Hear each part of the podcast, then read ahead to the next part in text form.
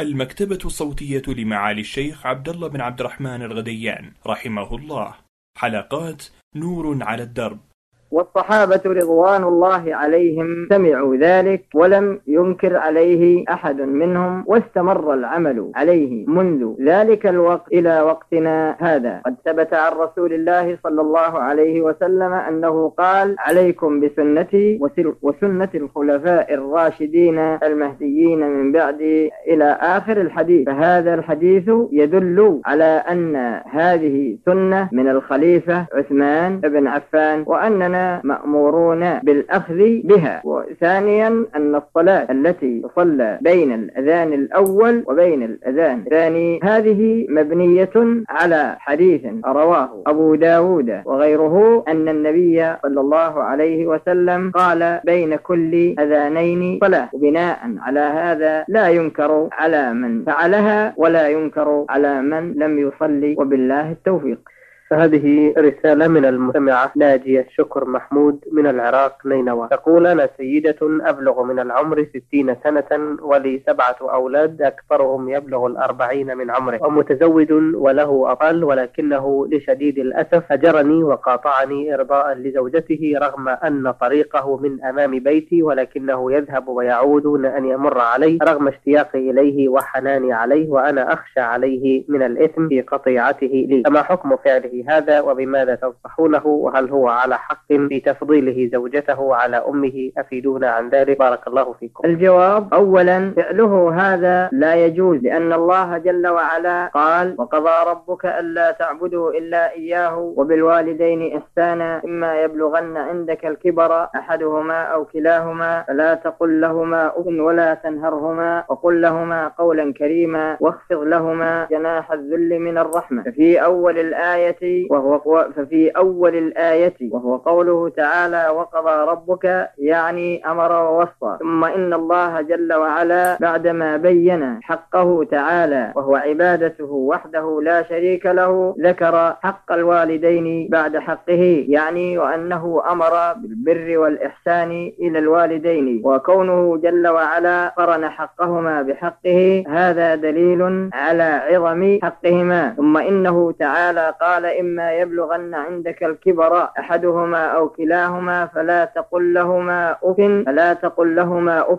يعني هذا من ناحية القول. ولو كان هناك شيء أدنى من التأفيف في القول لنهى عنه جل وعلا. فهذا نهي عن إيذائهما بالأقوال. ثم قال تعالى ولا تنهرهما وهو أن تنفض يديك في وجه واحد منهما. وهذا دليل على عدم إيذائهما بالأفعال. الآية فيها النهي عن الإيذاء بالأقوال وعن الإيذاء بالأفعال. ثم قال تعالى وقل لهما قولا كريما. فهذا دليل على أنه يقول قولا حسنا بدلا من القول البذيء. وقال تعالى بعد هذا واخفض لهما جناح الذل من الرحمة. هذا من جهة الفعل الحسن. فالله جل وعلا نهى عن إيذائهما بالقول القبيح وبالفعل القبيح وأمر بالإحسان إليهما بالقول الحسن والفعل الحسن. ثانيا الذي ننصحه به أنه يجب عليه أن يستغفر وأن يتوب إلى الله مما صدر عنه من التقصير معك وأن يعود إلى رشده ويقوم بحقك من جهة الزيارة وغيرها من الحقوق. ثالثا لا يجوز له أن يفضل زوجته عليك لأن النبي صلى الله عليه وسلم جاءه رجل يسأله عن أولى الناس بصحبته. فقال له أمك ثم قال من؟ قال أمك ثم قال من؟ قال أمك ثم قال من؟ قال أبوك فذكر الأم ثلاث مرات وذكر الأب مرة واحدة بعد هذه المرات الثلاث ولم يجري للمرأة ذكر. فهذا دليل على عظم حق الوالدين وأن حق الأم أعظم من حق الأب. لا يجوز للشخص أن يفضل زوجته على أمه. وقد ثبت عن رسول الله صلى الله عليه وسلم أنه صعد المنبر فقال آمين آمين آمين. فسأله الصحابة رضي الله عنهم عن هذا التأمين فقال أتاني جبريل؟ فقال رغم أنف امرئ آه، أدركه رمضان فلم يغفر له. قل آمين. فقلت آمين. ثم قال رغم أنف امرئ ذكرت عنده فلم يصل عليك. قل آمين. فقلت آمين. ثم قال رغم أنف امرئ أدرك أبويه أو أحدهما فلم يدخلاه الجنة قل فلم يدخلاه الجنة قل آمين فقلت آمين. فهذا دليل على عظم حق الوالدين وأن حق الأم أبلغ من حق الأب كما تقدم في الحديث الذي قبل هذا. وأما الزوجة فلها حق ولكن ولكن لا يكون حقها أعلى من حق الأم.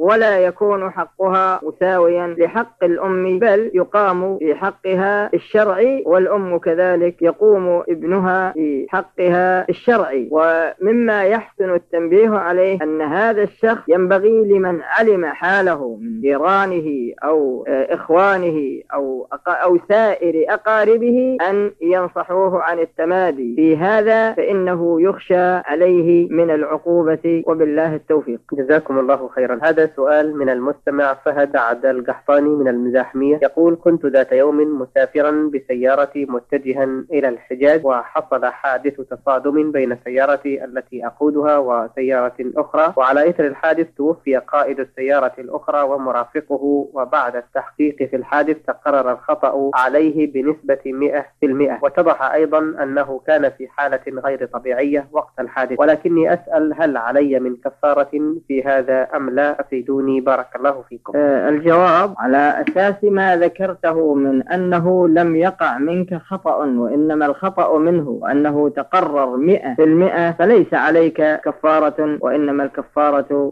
يعني فليس عليك كفارة وبالله التوفيق.